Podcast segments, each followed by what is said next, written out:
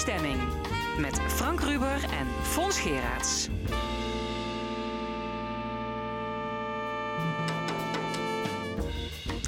Welkom bij de stemming. Normaal zijn we er nooit op carnavalszondag, maar we beleven dan ook abnormale tijden. De vastelavond staat op een extreem laag pitje, behalve bij L1. Liefhebbers komen aan het trekken deze drie dagen. Want uh, ook in de stemming laten we ons niet onbetuigd. Het komende uur maken we een humor special. Het is per slotverrekening vastelovend. Wat is humor eigenlijk? Hoe werkt dit? En wat is de functie van humor in crisistijd?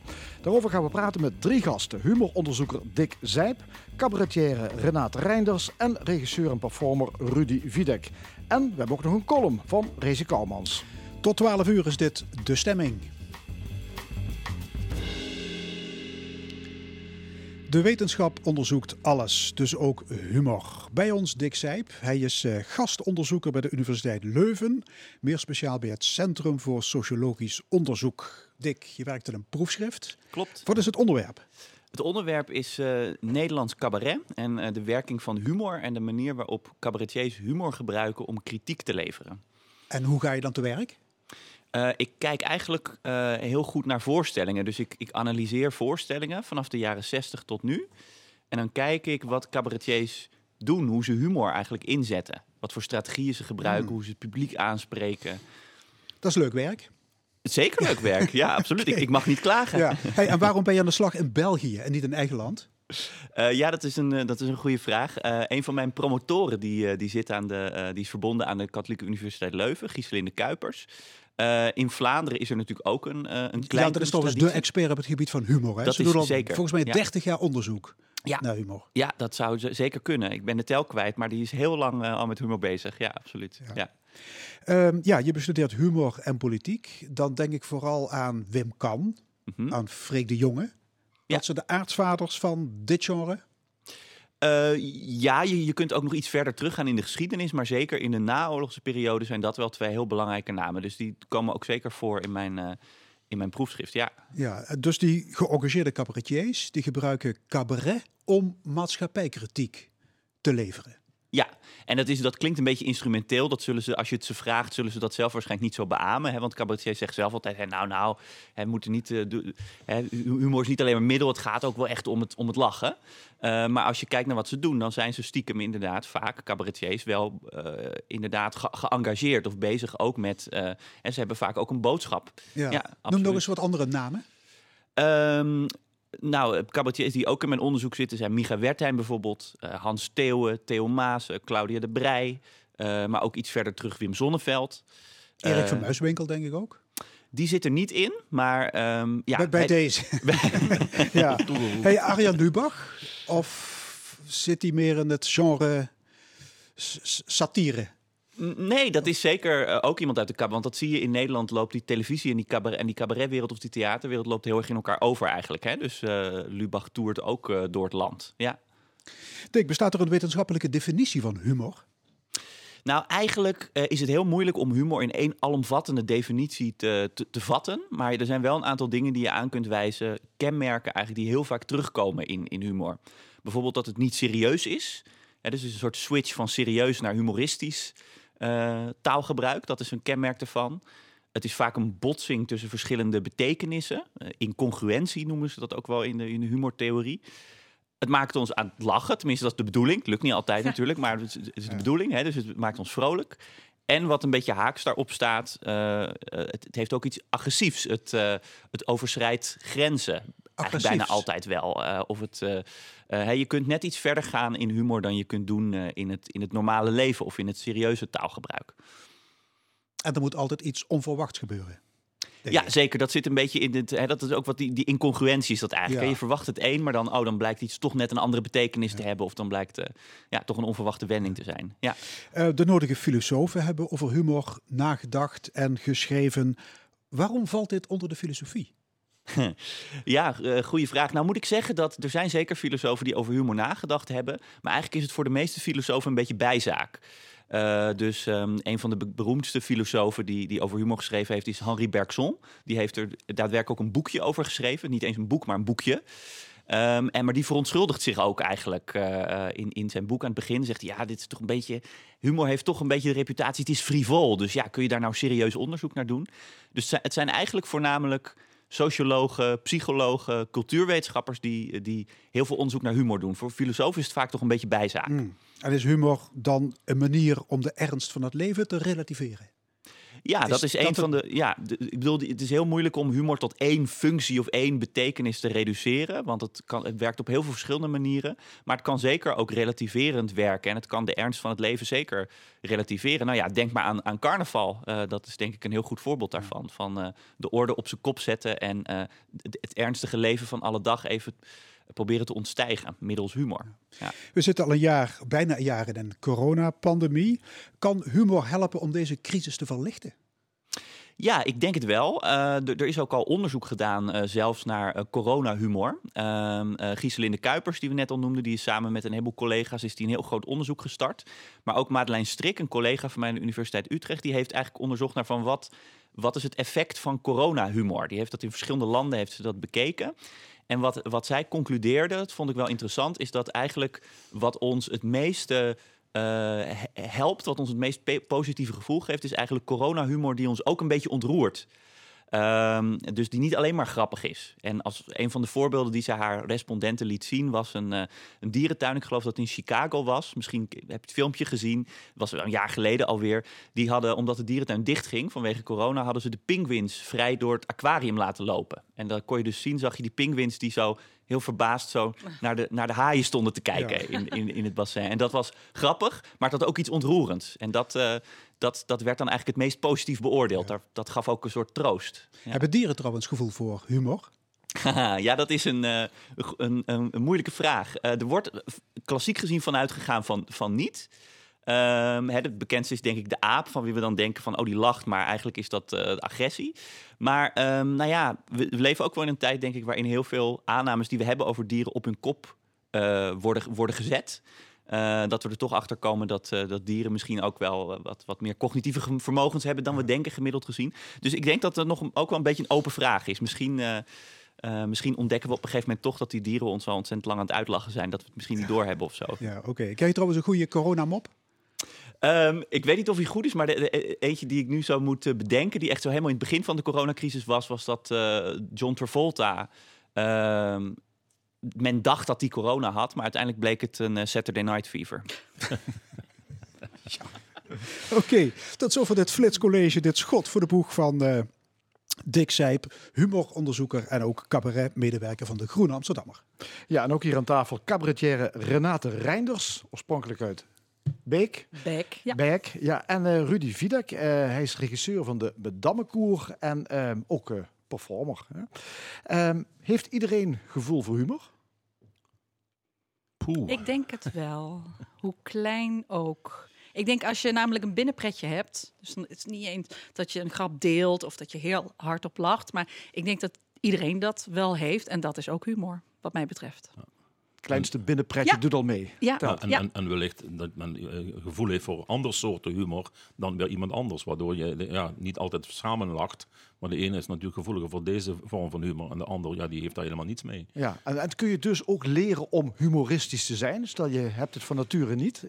Ja, dat denk ik ook wel. Want um, humor heeft wat mij betreft ook te maken met een soort lef wat je moet hebben. Hè? Als je een grap wil vertellen, ja, dan moet je even, even naar de voorgrond. En dat moet je dan brengen. En ik kan me voorstellen, als je een beetje verlegen bent, dat je dat niet doet. Maar stel je zou, ja, ik noem maar iets, toneellessen nemen. Of hè, dat je gewoon iets aan, je, hè, aan jezelf werkt. Dat, dat, ja, dat dat dan iets makkelijker gaat. Ja, jij ja. hebt een voorstelling gegeven, dat heet het Humor College. Ja. He, inmiddels ben je, nou ja, op dit moment ligt alles stil, maar dit, ja. dit, dit moment ben je met het humor, met, sorry, met het liefdescollege. liefdescollege. Ja, daar hadden we het vandaag over kunnen hebben. Ook, ja, zeker. De 14e uh, februari. Het humorcollege. Um, ben jij erachter gekomen wat humor is in dat college? Dus, want ja, je gaat naar die kern toe. Ja, nee, en dat is eigenlijk het leuke eraan. Dus dat, ik zeg het ook dan gelijk in het begin van de voorstelling. Ik, het is iets wat je probeert te pakken. En Dick, ja, jij bent daar natuurlijk ook gewoon mee bezig. Dat je denkt, wat is het? Wat, hè? En je zei het net ook, het is persoonlijk. Dus bij iedereen ligt het weer anders. Dus eh, het is fijn om eh, daarin helemaal in te duiken en, en wetenschappers hè, mee te nemen. Pieter McGraw, die dat dan helemaal gaat onderzoeken. Dus nee, Ja. er is niet inderdaad eenduidig antwoord op te geven. Nee, Rudy Wiedek, jouw alter ego is professor Dr. Luc van de Moorselen van de Katholieke Universiteit Lanaken. Ja, Een, een, een hoogleraar die oreert ja in die heeft overal Vlaams. verstand van. Echt, die heeft overal verstand van. Allerlei leerstoelen heeft hij.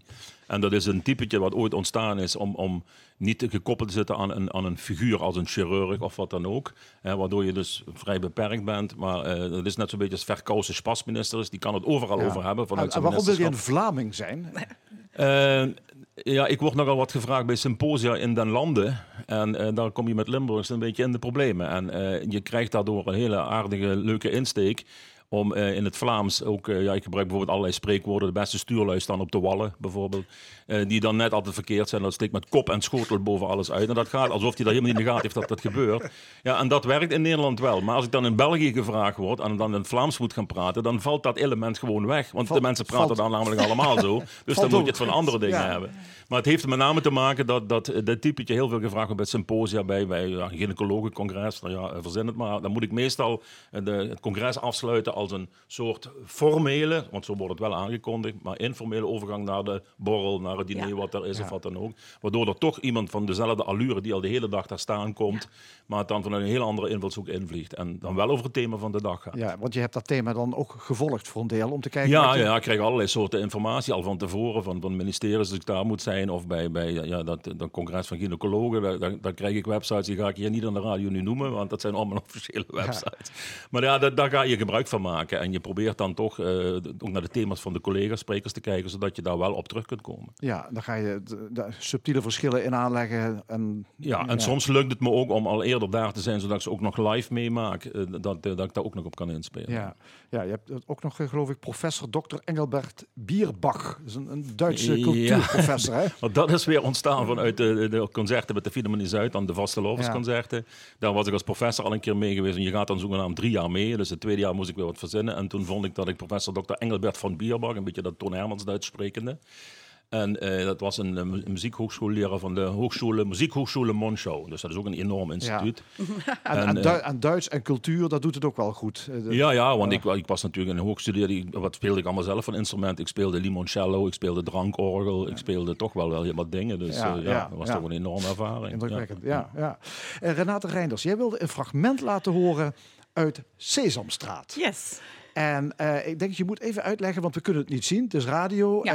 ehm, maar ik weet nooit wie Bert en Ernie is trouwens. Dat is mijn, mijn eh, probleem. Maar een van de, De, twee... de, die de zeikert is meestal Bert. dat is meestal Ja. Bert. Eh, wie staat, iemand staat met een eh, banaan eh, te telefoneren, zogenaamd. Hè? Precies. En dat kan niet. En dat kan niet. Dus dan komt Ratio Bert eraan en die zegt: Wat doe je nou weer Ja, allemaal? En. Erne die gaat, nou ja, die gaat fantaseren, associëren. Oké, ze staan naast elkaar met die banaan. Nou, kijk, zo gaat dat dan. Echt waar, joh? Jongen, Gerda, geweldig zeg. Ja, ik ook. Uh-huh. Ernie, Ernie, Eh, Ernie, eh, momentje. Ernie, hallo. Zeg eens, zeg je zit te praten met een banaan. Nee, Bert, dat zit zo. Ik ben in gesprek met Gerda aan een banaan. Kun je even stil zijn? Ben ik weer Gerda? Gerda? Was Bert maar.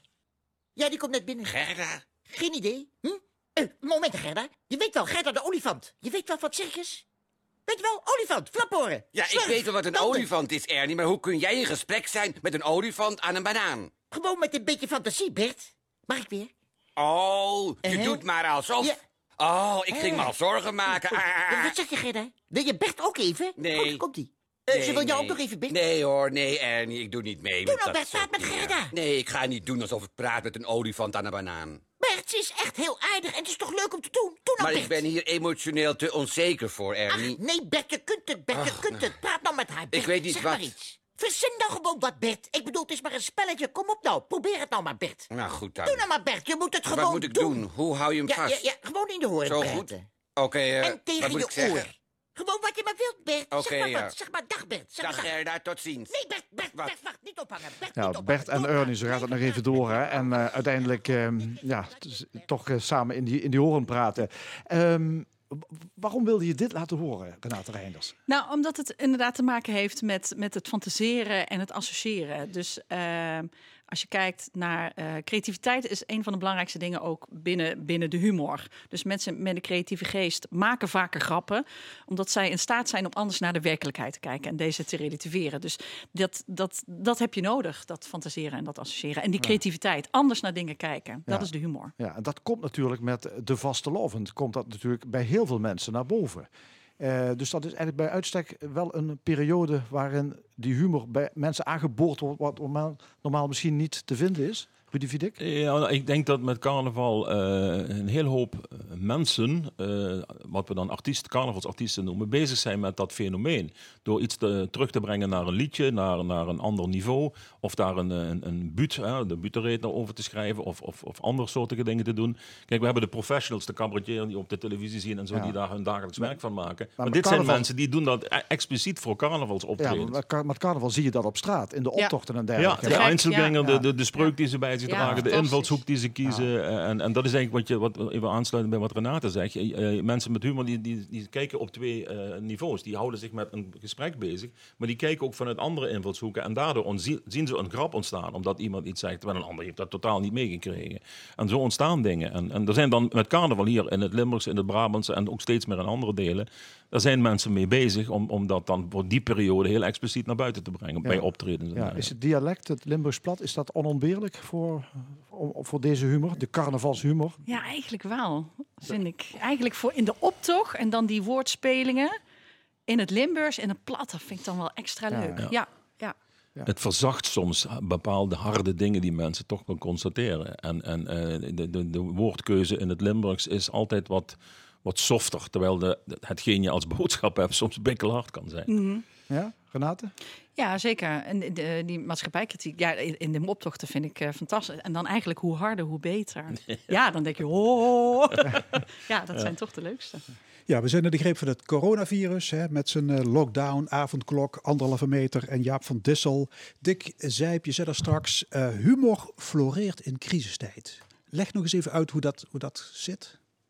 Ja, eh, nou, ja, ik weet niet of het, of het floreert in de zin van dat we, dat we meer humor krijgen in crisistijd. Maar ik denk, hè, humor kan vaak zeker een coping mechanism zijn. Dus je ziet eigenlijk bij iedere... Een coping mechanism. Ja, dus een manier om, eh, om, om, om erg iets, iets wat lichter te maken, iets wat heel zwaar is.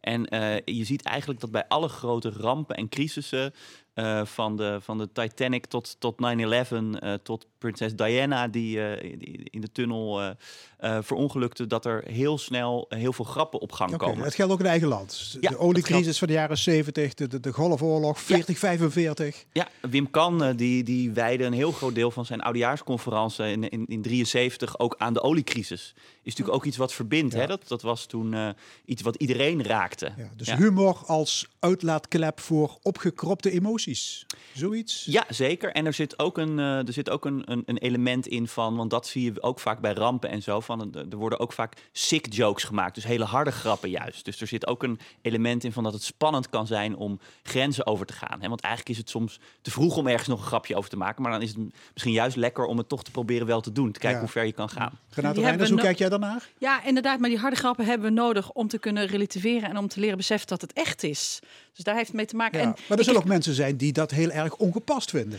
Ja, ik herinner mij een gesprek met mijn oma. Die zei vroeger tegen mij, zei ze, Renate, ik heb nog nooit zo hard gelachen als in de oorlog. Nou, als kleinkind begreep ik daar niks van, want ik had net geschiedenisles les gehad, dus ik dacht, waar heeft zij het over? En toen ging zij mij, naarmate ik ouder werd, ging ze daar steeds meer over uitleggen. Ze zegt, je moet goed begrijpen dat oorlog verbroedert. En als wij in de woonkamer zaten voor het haardvuur, werd er vreselijk gelachen. En ik begreep gewoon niet waar zij het over had. En vele jaren later overleed zij. En het was, ja, het was een fantastisch mens, dus het was een hele verdrietige dag. Eh, s ochtends was de begrafenis, s'avonds als familie Reinders kwamen wij weer bij elkaar. Nou ja, drie keer maar- raden wat gebeurde. Er werd vreselijk gelachen. Dus het werkt als een soort ventiel. Meer Het- opluchting. Gewoon, je moet bijkomen van zo'n Ja. afschuwelijke dag. Dat is het. Rudy Videk, is carnaval ook een manier om stoom af te blazen? Nou ja, als je een beetje teruggaat in de geschiedenis, dan was het eh, het moment voor de gewone burgerij om zich af te zetten tegen de overheid, de kerk, voornamelijk in de Maar dat, tijd. dat was vroeger. En en je, ziet dat daar nu eh, dingen wat aan het veranderen zijn. De kerk is wat verder op de achtergrond ge- gekomen. eh, waardoor, ja, grappen die je daarover maakt, Ja. door een merendeel van de mensen al niet meer begrepen wordt. Omdat zich niemand daarmee bezighoudt. En de overheid, ja, natuurlijk nu in coronatijd is de overheid zeker een, een, dankbaar onderwerp waar je op kunt richten. En ehm, ja, kijk, we Daarbij hebben... bedoel met dat stoom afblazen. Ja, en ik bent na drie dagen ben je fysiek kapot, maar de accu, zal ik maar zeggen, is opgeladen. Ja, goed, ik ben zelf niet zo'n carnavalsvierder met dit soort dagen. Daarom ben ik ook hier, anders was ik er niet. Maar het is, het is, eh, ik denk dat het voor heel veel mensen wel inderdaad is een, een, een markeringsmoment in, in een zaak afsluiten. Hè. Dat werd dan ook nog zo mooi vanuit de kerk met vasten eh, opgevolgd. Dat, dat is dan ook niet meer zo'n item. Maar het heeft wel iets, iets reinigends, iets omgaan met vertwijfeling en daar een, Ja. een modus in vinden. En ik denk ook wat, wat, wat Renate vertelde over die oorlog, dat mensen door de humor zich, eh, ja, dat was een- misschien zelfs een, so- een soort vorm van verzet, doordat je samen stiekem met elkaar Ja. over zit te praten. Ja. Dat gaf een verbondenheid die men hard nodig had om er doorheen te komen. En ik denk dat dat eh, in deze moderne tijd, waar we heel veel uitlaatkleppen hebben, moeilijk is. Maar ik denk wel dat het een oorspronkelijke functie is. Godfried Bomans die omschreef humor als overwonnen droefheid. Oh. Overwonnen droefheid. Wat zou hij daarmee hebben bedoeld? Ja, volgens mij hetzelfde als eh, Max de Jeur zei. eh, humor is een mechanisme om te overleven. Ik lach om niet te hoeven huilen. Het komt volgens mij allemaal op hetzelfde neer. Dus humor en tragiek en zielepijn, die zijn met elkaar verbonden. Ja. Eh, Het, bela- het belangrijkste element van humor is leed. Ja. Hoe klein of hoe groot. eh, dat, dat is het. Dus hè, als je als cabaretier bijvoorbeeld een programma wil maken en je, je moet op zoek naar de humor, dan kan je denken: Oh, ik moet leuk zijn. Nee, je moet op zoek naar jouw leed. Wat doet jou pijn? En ga dat maar vormgeven. En dan moet het publiek lachen. Ja. En vooral, en vooral leed wat anderen gebeurt. Dat, want Op het moment dat je naar jezelf weet te betrekken, dan kom je in de zelfspot terecht. Maar dat, dat kan natuurlijk Kan ook. Ja, Ja. nee, ik wil zeggen, vaak zijn bepaalde bevolkingsgroepen en minderheden de klos, hè? Belgen, Ja. homo's, Ja. Limburgers. Ja. Vindt iemand dat een Stom. probleem? Ja, zeik niet de Limburgers af. Nee, maar dan hebben we Kom er een heel ander, krijgen we een Nou, heel ander thema. Maar het is wel zo dat Limburgers heel vaak als onnozelaars worden neergezet, hè? Ja. Rudy, kun je daarom lachen of voel je dan altijd waar enige Ja, lichte ja, ergernis? De bekende scènes zijn natuurlijk het NOS-journaal waar hier in Limburg iets gebeurd is en waar dan iemand aan het woord komt die met een heerlijke zachte G en alles. Ja, dan, dan heb je wel eens zoiets van oké, ze hebben weer de juiste uitgezocht om het weer op de nationale televisie te zetten. Maar ja, kun je erom lachen? Soms wel, soms niet. Het, het, eh, ja, het zit zo in elkaar. En wij spreken dat, die, dat dialect, wat ik hartstikke chic vind. En dat we er ook zo ontiegelijk veel varianten van hebben. Maar het, eh, het, ja, je kunt eigenlijk alles wat mensen doen, wat mensen zeggen, het maakt niet uit of het nou de groepen zijn die jij net noemde. Je- Er kan altijd wel iemand op zijn tenen getrapt zijn. Alle- Alleen al misschien door het feit dat hij niet genoemd wordt, kan hij op de tenen Ja. getrapt zijn, Ja. bij wijze van spreken. Het satirische televisieprogramma Clickbait had een tijdje geleden eh, een sketch over de Amerikaanse verkiezingen. In een nieuwsuurachtige setting zaten drie Amerika-deskundigen aan tafel. We laten een stukje horen en let vooral op de Limburgse deskundigen. Goedenavond, welkom bij Nieuwsfocus. Deze uitzending staat helemaal in het teken van de Verenigde Staten. Want op 3 november gaan ze daar naar de stembus. Hierover praat ik met Amerika-deskundige Stefan Pop, Amerika-deskundige Christine de Boer en Amerika-deskundige Alex Ploeg. Jongens, welkom. Dank. Ja, meneer Pop, wat gaat het worden? Amerika is natuurlijk een eh, gek land. Je hebt aan de ene kant eh, de Republikeinen, maar aan de andere kant heb je de Democraten. Maar je hebt ook Second Amendment, Wall Street, It's the land of the free, the home of the brave, Dunkin' Donuts, Charles Groenhuizen, Ja, Erik precies. Mouthaan, Nee, dus de- nieuwe de- iPhone. Ja, de Amerikanen die zullen moeten gaan kiezen tussen eh, Donald Trump en Joe Biden. Ja, wat je ziet, Eva, is, is dat, die, dat die country enorm divided is. Hè? Het land is verdeeld tot het bot, to the bone. Ja, want, want jij hebt ook gewoond in Amerika, klopt dat? Nou, gewoon, gewoon. Ik ben een paar weken op vakantie geweest. Oké. Een tijdje ja. geleden. Maar je ziet dan, het is, het is bigger. Eh, daar, het is the bigger, the better. En die mentality is, is different. And, and, and that's so inspiring about the country. Yeah, I can imagine. Yeah, because it's like where you, you, cur- you currently live in. Ja, in. Yeah, Ja. yeah. Well, then you just. Ik vind het heel lastig jullie te volgen, want jullie praten niet het Engels.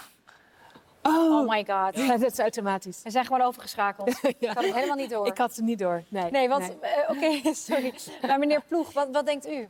Ja, lastig, want ja, Ja. van Amerika, Amerika weet ik heel weinig. Ja. Maar, maar, hè, maar u bent toch Amerika-deskundige? Ja, ja Amerika, Limburg. Ah, ja, hier was ik al bang voor. Ja, ik dacht, ik dacht, ik zag die vlaggetjes, ik dacht, dit is een misboeking. Zou ik wel mogen blijven? Ik vind het zo leuk en eh, eh, ik vind het ook zo interessant wat Herman zegt over Wall Street. Dat wist ik niet. Wall Street, Wolf of Wall Street, Leonardo DiCaprio, Hollywood. Weet je? ik heb Maga fly meegenomen Make trouwens. America fly, Great? Again. Fly? Ben jij fly? Ja. Fly? Build that wall. Goed, laten we heel even eh, teruggaan naar de verkiezingen. Primaries, Ja. delegates. Ik kerst of heb ik kozen? Nou, ik ben heel even oké, dankjewel. Oké, ik zit gewoon hier neer. Misschien straks. Succes, ga door, ga door. Doe alsof ik er niet ben. Goed, wat, wat denk je dat wij Nederlanders voor invloed hebben op de Amerikaanse verkiezingen? Oh, groot. Ja, ik ga ervan uit. Zij kijken naar, naar die talkshows, toch? Zij kijken... Bieden. Uit het programma Clickbait met als moderator de uit Maastricht afkomstige Eva Krutsen. Ja, de Limburgse deskundige die spreekt hier met een vet accent. Hij zit in het verkeerde gezelschap. Hij trakteert op, op fly en bier. Meer clichés zijn er niet te verzinnen. Nee, bijna niet. Is het, nee. blijft het toch, is het toch leuk? Ja, ik moet hier Ja. toch om lachen. Ja. Jawel, Renate Reinders. tuurlijk. Beetje zelfspot, kom op. Ja, wel. Het is Ja. goed gedaan. Als het goed gespeeld wordt, ja, dan, dan Ja. is dat... we, weten immers dat dat gebeurt en dan Ja. moet je de humor ervan inzien om het maar zo te formuleren. Ja. Ik denk dat dat, eh, ja, that's live en dat geldt voor heel veel groeperingen wat ik zojuist al zei. Als mensen daar op enig moment niet meer kunnen lachen, en los van of het beledigend wordt, hè, want dat is een andere facet daarvan. Maar ja, het wordt, het wordt wat dat betreft best wel eens eh, als lastig ervaren. Maar wat kun je nog zeggen? Ja, wat, wat zou je dit soort grappen kunnen maken? Bijvoorbeeld met, met Marokkanen, met Surinamers, met Chinezen? Nou, Ja. wat ik nog e- over dit fragment denk ik wat wel interessant is, is dat eh, niet alleen de, de Limburger op de korrel wordt genomen, maar dat het eigenlijk beide kanten op werkt. Hè. Dus er wordt heel erg met de clichés ook over de Randstad gespeeld. En eigenlijk zou je kunnen zeggen, hier wordt ook een beetje dat, dat Hilversum medialandschap... eh, en die blikken dat- Amerika-deskundigen die steeds worden ja, opengetrokken. ja, die blikken Amerika-deskundigen die steeds worden opengetrokken. Dus er worden hier, eh, en dat is wat ik heel slim vind aan deze sketch, dat het niet alleen maar, en want anders is het inderdaad de, de, de Randstad die, die weer voor de zoveelste keer de Limburgers belachelijk maakt.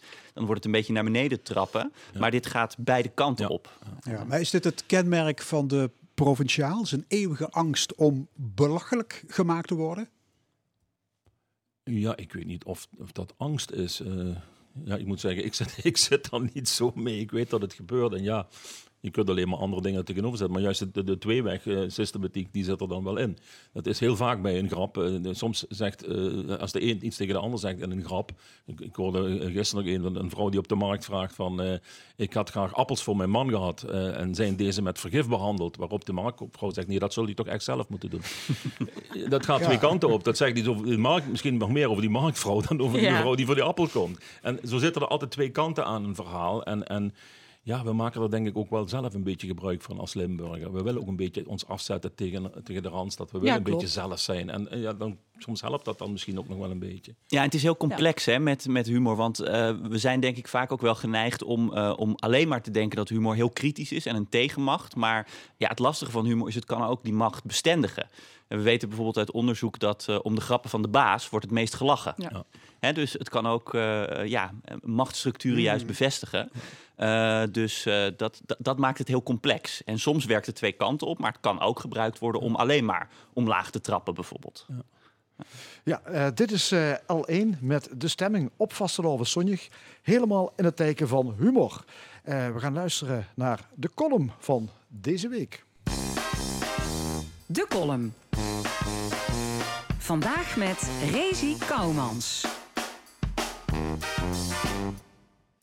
Vroeger, eh, wie er nog cafés waren, kwam er bij ons een kleintje binnen met autisme. En als hij binnenkwam, dan begon er eerst alles recht te liggen. Nou, dan heb ze bij ons in de kroeg al gaat te doen, dat zeg ik tegen. Maar de gezetten, de beukjes op tafel, hij ging zelfs de schilderieën recht hangen. En als er dan met klaar was, dan lag er zijn paraplu, de hazen en het plastic tasje dat er altijd zich had, netjes op een rie. Dan ging er aan de bar zitten en nadat er dan ook door de veld, eh, viltjes recht had gelag, bestelde er zich een pilsje. Met 1 centimeter zoom, niet meer en niet minder. Dat was op zich natuurlijk al lachwekkend, waren het niet dat ik opgevoed ben om mensen niet uit te lachen vanwege haar voorkomen. Als er dan die glazen beer voor zich had staan, dan kwam de obligate vraag van Piet. Ja, zo hoort er niet, maar zo noem ik hem gewoon Piet, zonder bijvoeglijke naamwoorden, hè? gewoon Piet. Piet vroeg dan altijd: Rezi, kent ze tegen humor? Hij vond zichzelf namelijk erg grappig. Rizzy, kent zijn tegen humor. En hoewel dat natuurlijk op zich een hele gekke vraag is, raakte dat voor mij wel de essentie. Want als er get subjectief is, dan is het wel humor. Ik ken zelf bijvoorbeeld niet tegen jongenshumor. Zo flauw. Ken je die films? Naked Gun 33, een derde. Of Jackass. Het was een stelletje doorgeschoten pubers die zich kapot lachen omdat ze zich ongerein met biljartbel tegen die klus. En heel veel pies- en poepgrapjes. Ja, dat vond ik ook leuk wie ik veer word. Maar mannen blieven denk ik net gaat langer kind. Of die kluchten van John Lanting. Theater lach of ik schiet. Deur op, deur toe. Verschrikkelijk. Niet om aan te zien, vind ik. Maar is het toch ook niet leuk? Nee, natuurlijk niet. Want duizenden lui hebben er kaartjes voor gekocht voor die shows. Die had uitverkochte zalen. Die gevoel voor humor, dat kan ook veranderen met de tijd. Want ik kon zich vroeger echt niet naar André van Duin kijken. Nu vind ik hem stiekem in Holland, heel Holland bakt, eigenlijk erg leuk.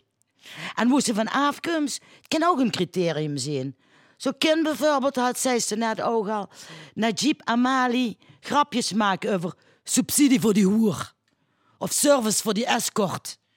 Maar als ik nu hier datzelfde grapje zou maken, hè, dan, dan kreeg El Eindmurgen weer kwaai brieven en steekt mijn hele tijdlijn op Facebook vol met niet zo'n grappige berichtjes.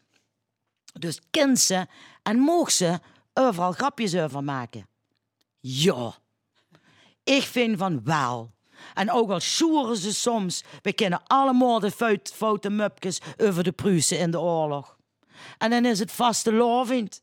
Bij uitstek de tijd om het afgelopen jaar op een humoristische manier te relativeren. Gooit de... Oh nee, dat woord moet ik gewoon niet zeggen. Gooit corona roet in het eten. Maar toch gaat mijn broer vanmiddag met zijn gezin de straat op. Verkleed als vier Russen. Om iedereen een Sputnik-shotje te geven. Vaccinatie in de vorm van een vlugel. Ja, laat eens lachen met de elijn. Al is het wie een boer met tuinpien. Humor, du moest er maar tegen kennen. Dankjewel, Rezi Koumans, eh met de, de column. En eh Rezi, eh blijf even zitten. Ja. Want ik ken ze metkallen hier hè, over humor. Ja, ja. Wat leuk. Ja, Rezi zei het al trouwens in de, in de column. ehm, mannenhumor, jongenshumor. Maar het idee onder mannen is toch... Ja, om vrouwen kun je gewoon minder lachen, Renate. Ja. Onzin. Het is gewoon onzin natuurlijk. Maar ja, kijk, Maar als, hoe, hoe als kan je, dat? Waarom, Nou ja, waarom denken mannen dat vrouwen niet zo leuk zijn? Nou, het is, een- het is een beetje van, eh, van oudsher dat het was de bedoeling dat de man de grap maakte en de vrouw lachte. Dat is gewoon, gewoon hoe we zijn opgegroeid. Dus als ik geef nu het liefdescollege, dus als je kijkt wat zoeken vrouwen in, hè, qua dating, ja, een man met humor. Ja. Maar Want dat is ook mannen intelligent, hè? zoeken, intelligent en humor. Dat ja, is precies, allemaal... precies. Hè? Want Ja. dan kan je je boven iemand plaatsen. Ja, precies. Ja. Maar ik hoorde Dick ook zeggen, eh, met humor eh, be- bepaal je ook je positie in een gezelschap. Hè? Dan, Ja, dan ben je iemand. Dus misschien hebben mannen daar wat minder moeite mee om die rol aan te nemen dan vrouwen. Ja, het is, het is denk ik, zoals Renate zegt, heel erg cultureel. Hè? Dus het zijn culturele scripts die we volgen. En eh, wat jij zei over, die, over eh, ook mannen en vrouwen die, die bepaalde eigenschappen in elkaar zoeken, dat is ook onderzocht. Het is al wat ouder onderzoek. Misschien is dat, hopelijk is dat nu wat aan het verschuiven. maar hè, een aantal tientallen jaren geleden hebben ze onderzoek gedaan naar contactadvertenties. En toen bleek dat zowel mannen als vrouwen, we hebben het wat dan beperkt tot, eh, tot de he- hetero-groep, hè, dus mannen die vrouwen zoeken, vrouwen die mannen zoeken. En dan bleek dat zowel mannen als vrouwen in contactadvertenties zetten dat ze op zoek waren naar een partner met humor. Maar eh, mannen bedoelden daarmee, ik zoek een vrouw die om mijn grappen lacht. En een vrouw bedoelde, ik zoek een man die grappig is. En dat is iets, eh, ja, dat is, dat is heel erg, dat zijn culturele Ja. rollen. Dus je moet als vrouw, denk ik, ook iets meer een drempel over om, eh, om, je, om dat eh, eh, ja, vermogen om grappig te zijn, om grappen te maken, te ontwikkelen. Eh, want dan krijg je toch een boel backlash van mannen die dat ook bedreigend vinden vaak. Ja. Vrouwen die grappen maken worden vaak door mannen als heel bedreigend gezien. Ja. Ja, maar, maar Rezi, die zit in een, eh, jij weet dat niet, LVK Limburg, Limburgs Vastelovens Leedjesconcours, is gewonnen door een mannengroep. Maar die hebben Rezi gevraagd om daar toch de komische noden te zien, Rezi. Ja, ja, dat hebben ze heel goed gedaan. Ja, ik, zei al, eh, ik zei al tegen hun van, eh, ja, ik- jullie hebben natuurlijk lang gezocht naar een hele goede, duurbetaalde artiest die dat liedje een beetje op niveau kan tillen. En eh, nou, dat heb ik met liefde Ja. gedaan en, en daarom hebben ze gewonnen, denk Ja, ik. Maar dat is dan juist andersom. Dan zoeken ze juist de vrouw voor de komische noot. Ja. Ja. Ja, ja, goed. Ja. Mannen zijn eigenlijk ook niet grappig. Kijk, als wij lachen om een grapje van een man, dan doen we dat om de man te plezieren. Dan weten wij dat, we, dat die man het leuk vindt als wij lachen. Dus dan zeggen ah, joh, schat, heel Ja. leuk. Maar we menen er niks van. Ja, we doen heel veel sociaal lachen, Ja. vrouwen. Dus ik kom naar buiten en dan zeg ik... Hi, buurman, hi. Het is niet dat hij een knijter van een grap maakt, maar ja. Nou, die grens is sowieso ook lastig, hè? Want, want humor is eigenlijk altijd sociaal. Dus we, we, ja. waarom je lacht, dat is ook bepa- wat- net als wat ik net zei: van om de grappen van de baas wordt meer gelachen. Ja, dat is niet omdat de baas nou eh, eh, zo- zo'n ontzettend goede grappenmaker is, maar wel omdat hij veel macht heeft. Ja, ik heb ook wel eens gehoord, eh, mannen die maken grappen over blunders van anderen. En vrouwen die vinden het ook wel eh, leuk om zichzelf, eh of zal ik maar zeggen, de blunders van zichzelf, om die uit te vergroten. Dat is het grootste verschil Ja? tussen mannen Ja? en vrouwen. Ja. Is Rezi ook Ja, nee, dat klopt. Ik, ik heb, eh, dat doe ik zelf ook altijd. Ik, ik verkleed me dan ook zo op, op mijn charmantst, zal ik maar zeggen. En dan ben je ook geen bedreiging voor andere vrouwen. Want dat is heel vaak moeilijk. Want als jij als vrouw heel leuk bent, dan kunnen ook andere vrouwen zich bedreigd voelen door jou. Omdat ze dan denken, oh, mijn man vindt haar leuk. Of, of... Dus ik probeer mezelf altijd juist te downsizen. Ja. Ik heb me altijd heel lelijk verkleed en de haren recht op mijn kop en niet opgemaakt. En pantykoosjes tot aan de knie, zeg maar. Die, hè? En ja, dan vinden en mannen en vrouwen dat leuk. Ja. Sowieso wel een, eh, een, een kenmerk van groepen die wat a- meer achtergestelde positie hebben. Minderheden ook vaak. Die, die maken vaak, gebruiken vaak meer zelfspot. Eh, juist omdat inderdaad, zoals je zegt, ook het, eh, eh, dat minder be- bedreigend is. Maar er zit ook wel een gevaar in. Want je kan daarmee ook die positie een beetje in stand houden van het, de achtergestelde positie. Maar Ja, dat weet ik niet. Nee, dat weet ik. ik denk dat dat achtergestelde positie... dat heeft ook heel erg met je eigen karakter te maken natuurlijk. En als jij je aangevallen voelt door eh, grapjes over Limburgers... zegt dat ook iets over jou als Limburger. En niet zozeer over die, diegene die die grapjes maakt. Dus als jij je beledigd voelt doordat ik daar eh, in, mijn, in mijn badjas eh, op de televisie sta als vrouw... van nou kijk, wat stereotyp beeld van een... Ja. ja, dan zegt dat meer iets over hun dan, dan over mij, Maar vind ik, ik. kan me ook voorstellen dat zelfsport bij, bij Videk. minderheden eh, eh, het eerste breekijzer is om bij, bij andere mensen binnen te komen en dan wellicht ook andere boodschappen te gaan brengen. Want je, je, zit in een, een positie waar je een minderheid bent en je zegt, door zelfsport pak je dat als eerste instrument aan. Maar je kunt het ook als breekijzer gebruiken om toegang te krijgen tot die groep waar je je eigenlijk toe wil richten. En dan kun je andere boodschappen gaan uitpakken. En dat, ja, dat, zo kun je op allerlei manieren proberen je, je, je, je, je boodschap over te brengen. En dat kan een vrij simpele boodschap zijn om mensen gewoon lekker te laten lachen. Of dat er nog meer achter zit in de vorm van maatschappijkritiek enzovoort. Ja, je, eigen, je eigen kwetsbaarheid gebruiken. Of Ja. Zo. Ja. Maar het, het- het- ik merk ook, het maakt zoveel uit wie de grap maakt. En, hoe die dan bij mij... Ja, ik weet nog. Paul de Leeuw, eh, Schouwburg Sittard. Hij ging, hey, stomme Limburgse vlaaien. Ik dacht, oh, ik vind het eigenlijk nu al niet leuk.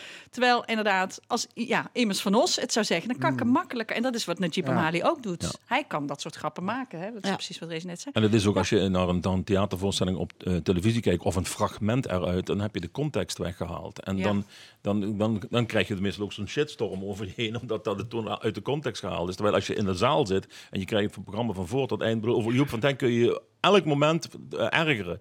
Maar er komt altijd ergens een moment dat die mensen die hij aanklaagt, ergens komt een moment dat je eh, in de gaten gaat krijgen, ja, maar ik, ik doe zelf die, die, die dingen doe ik ook. Dat- Een van de voorbeelden was de, de verzekering dat je eh, sneeuw had op wintersport. Dat mensen dat dan zo'n verzekering afzetten dat je gegarandeerd sneeuw. Ergens verla- verderop gaat hij dan inderdaad zelf op wintersport. En nevenbij noemt hij even, ik heb natuurlijk wel zo'n verzekering afgesloten. En dat is ook een formule, door, door inderdaad een heel hoop ergens tegen te ageren. Maar naar de hand duidelijk te maken dat je zelf bij diezelfde groep hoort die diezelfde dingen doet. Ja, en er zit, ja, er, zit dus wel een gevaar in. En het is, eh, kijk, je kunt niet in het algemeen zeggen van zelfspot, dat is, dat, is, eh, dat is niet goed of zo. Want daarvoor, zoals, eh, Renate net ook zei, humor is eh, heel, heel veelzijdig. En je, het maakt heel erg uit wie de grap maakt, de context. Eh, maar er is wel eh, bijvoorbeeld het, het Archie Bunker effect. Eh, dat is een het bekend onderzoek. dat is naar Archie Bunker, het hoofdpersonage uit de sitcom All in the Family uit de jaren 70. En dat was een, ja, een witte arbeider die behoorlijk veel seksistische, racistische ideeën had, personage. En onderzoekers hebben toen gevraagd aan verschillende groepen mensen, aan progressieve televisiekijkers en conservatieve televisiekijkers, wat vinden jullie van Archie Bunker? Eh, en toen bleek dat ze eh, daar allebei op een eigen manier naar keken. Ze moesten er allebei om lachen, maar de progressieve kijkers die lachten Archie Bunker uit. En die conservatieve kijkers, eh, die vonden hem een held. En die dachten, nou goed dat het een keer gezegd wordt. Hè, dus we, denken vaak dat humor onschuldiger is dan het is. Ook dat het geen effect heeft, maar humor kan wel degelijk effect hebben. En ehm, het kan twee kanten opwerken. Dus het kan, het kan in je kunt het als een breekijzer gebruiken, maar je kunt ook.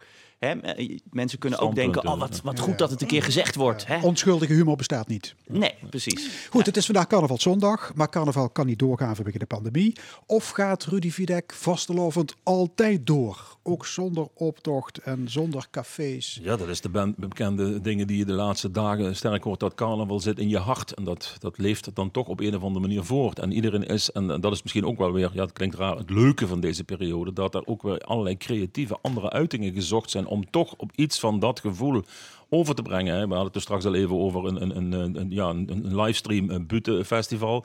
Waar je dan toch geen respons hebt. Maar het zijn allemaal pogingen om iets, iets te doen. eh, om, om mensen toch iets te bieden. Eh, ja, ja, goed. Alleen moet van heel veel herhalingen gebruik maken. Maar maak ook nieuwe producties. Kijk naar, naar eh, ja, varianten op het thema. En, en eh, ik denk dat daar ook dingen nog wel van, eh, van blijven bestaan Mm. als, als oplossing. Het, het maakt ook wel weer wat los in creativiteit. En carnaval is natuurlijk bij uitstek een periode waar creativiteit eh, bij heel veel mensen, wat- of het nou over kleding gaat of praalwagens. Ja, we maken toch een optocht, al is die dan van Lego. Maar Ja. we maken er een. Hè, Ligt, carnaval trouwens niet dichter bij het absurdisme dan bij de humor? Poeh, ja, eh dat zou dan de wetenschapper moeten vragen. Maar ja, ik- volgens mij kan, kun je met, met dat thema alle kanten op. Je kunt, zo, ja, ik bedoel, je kunt zo ver gaan als je maar wil. Het is maar net welk idee dat je hebt en hoe je het uitvoert. Heeft de wetenschapper daar nog een eh, opinie over? Ja, eh, ik, ik zou zeggen dat absurdisme dat dat, eh, dat, dat ook een, een vorm van humor is. En dat humor eh, eigenlijk bijna altijd een, ook een kern van absurditeit eh, in zich heeft. Dus eh, ja, zeker. Oké. zeker. Car- carnaval heeft zeker ook iets met het absurde te maken. Maar dat is ook, ook humoristisch, zou ik zeggen. Ja. Rudy, je noemde net de butten. Eh, ik heb de indruk dat de kwaliteit van de butten de afgelopen jaren er niet, er niet beter op wordt. Heb ik gelijk of heb ik ongelijk? Ja, er zijn, er, zijn, er allerlei discussies over de buurt op dit moment. Eh, voor butenredners zelf is het een, een, een thema omdat je in, bij een normale zitting eh, al bijna niet meer letterlijk aan het woord komt omdat het toch eh, door de opstelling van de zaal, de staattafels enzovoort, waar de helft van de zaal met de rug naar je toe staat, dat je gewoon als woordkunstenaar zeg maar niet overkomt. Dan moet je al om kwart over acht zijn, dan, daarna hoeft het al niet meer. Dan is het een andere stemming. Dat is één, één facet. Eh, er zijn discussies over het eh, bero- beroemde eh Butenfestival, althans de wedstrijd, hè, om de beste butenreter te kiezen. Dat men daar zegt, daar beginnen de regels wat te knellen om, om, om een goede but te maken. Het moet altijd een typetje zijn, het moet altijd dat, het moet altijd, daardoor vallen bepaalde vormen weg. Ehm, ja, goed, het is, een, het is iets wat zich, ja, net als alle andere dingen, het ontwikkelt zich ergens naartoe. Eh, in, in- toevallig vorige week Maar zondag... waar, waar zit er überhaupt ontwikkeling in, vraag ik me af. Ehm, Nou, wat mij opvalt ja. is dat die butters heel vaak dubbelzinnig zijn. Ja, het ja. wemelt toespelingen. Het zijn jongens, hè? Van, Ja, het zijn ook meestal van jongens die die seksuele, toespelingen. Ja, doorgaans. Je ziet het ook nu, nu ook een aantal dames in de buitenwereld binnenstappen. Die, die, die hebben het best wel wat lastiger. En, en mannen zitten inderdaad vaak met dat soort dingen. Eh, en, en de vrouw heeft het daar toch wat lastiger mee. Die kan bepaalde grappen die een man maakt, kunnen zij niet maken. Want dan wordt het meteen al heel vreemd aangekeken. En eh, vorige week was uh, toevallig op L1 een, een podcast, onder andere met Verkous enzovoort, met, met Tom Doesborg, die discussie, daar ging dat daar ook over. Dat je inderdaad ziet van, uh, ja, een tendens, misschien moeten de grappen wel harder worden. Hè. Kijk een beetje naar de stand-up comedians, die, die in vaak een one-liners uh, behoorlijk stevige uitspraken doen. Dat, dat het zou een tendens kunnen worden om nog mensen te pakken, aandacht te krijgen, moet je het harder gaan aanpakken. Uh, allemaal ontwikkelingen. En ja, de een zal dadelijk iets gaan proberen en dat gaat lukken. En de andere die gaat af. En, en daar zal dadelijk weer een nieuwe, een nieuwe lijn uit voortkomen. Hoewel je ziet dat bij de jeugd, uh, ja, probeer jeugd te interesseren voor deze vorm van carnaval. En dat wordt ook al een stukje lastiger. Dus de toekomst is een beetje ja, onzeker. Renato Reinders, niks van jou? Om je te storten op de buurt vanaf de 11e van de 11e. Ja, misschien Heel toch een circuit nieuwe carrière. levert er- levert ja. ook geld Misschien op. wel. Ik heb vroeger wel. Erna Sa Jansen, Jansen, Sassen. Sassen. Ja, die heb Erna ik geplaybacked. Ja, dat vond, ja, dat, ja, dat vond ik fantastisch toen. Ja. Nou, ja, wie weet. Hoe, zou, hoe zou je beginnen dan? Oh. Leef lu. Wat zessen? Hoi, Ja, nou zo denk ik. Nou, dan rennen ze allemaal weg en dan... eh, dat. Goed, Ah. maar de, de, buurt hoort, de buurt hoort bij de vastelovend, hè. dat is symbiotisch. We gaan luisteren naar het fragment van Connie Bruinaars uit Nederweert. En ze deed vaak mee aan de butenkampioenschappen. Dit stukje is uit 2013.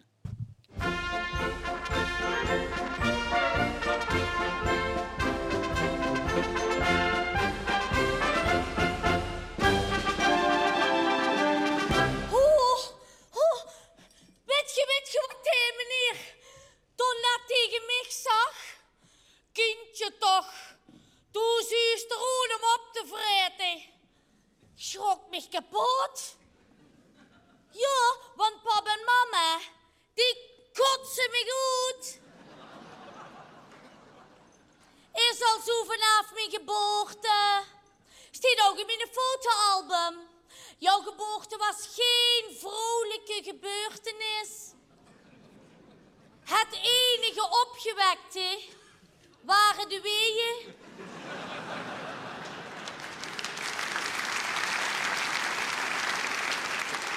En, en ook gelijk drie dagen per week, hè, hup, de crash in met mij. En daar, daar lag zo'n babytje neven mij. Ha, hi, ik ben een jongske. Joch, twijfel je nog? Maar, maar, hij deed de lakentjes op zee en het klopte toch? Ja, blauw zakjes.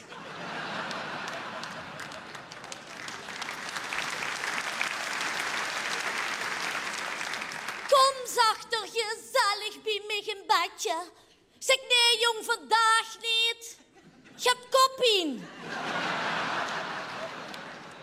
En, en als ik niet door die stom crash hoef, dan kunt oma baby zitten. En dat is pap zijn schoonmoeder. En dat vindt je lief. Zachter, oma moet van mij honderd jaar weren. Leefs morgen nog.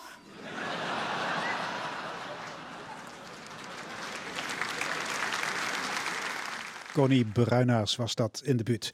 Dick Zijp, je bent humoronderzoeker. Kun je als ehm, podiumkunstenaar alles zeggen? Hm. Ehm, nee, ik denk dat je, dat je nooit alles kunt zeggen. Er zijn, er zijn sowieso natuurlijk de grenzen van de wet. Ehm, ja, ik vind het altijd een hele lastige vraag. Ik, ik denk ook dat we iets een beetje te geobsedeerd zijn met die vraag. Het is een vraag die ik ook heel vaak krijg: van hoe, kun- kunnen we nog wel alles zeggen? Waar liggen de grenzen van humor? Ik denk eigenlijk dat. Maar ja, goed, daar, daar worden leraren de hals eh, doorgesneden omdat ze een cartoon laten zien in de klas. Ja, ja, eh, dat zijn gelukkig natuurlijk nog wel uitzonderingen, maar dat is natuurlijk heel, eh, heel, heel tragisch dat dat, dat dat gebeurt. Het is, eh, ik denk dat het niet zo, dat eh, de wereld niet zo zwart-wit is dat je, dat je een soort wetten zou kunnen opstellen van hè, daar mag je wel, daar mag je geen grappen over maken. Ik zou eigenlijk zeggen dat we toe moeten naar het ontwikkelen van een ethos. Dus een soort manier van denken en doen over humor die past bij ja, onze eigen waarden en overtuigingen. Hè, dus het is, het is ook afhankelijk van, van de situatie, Mhm. eh, van je eigen positie. Renate Reinders, je waar je grappen over nadenken maakt. over het ethos. Ja.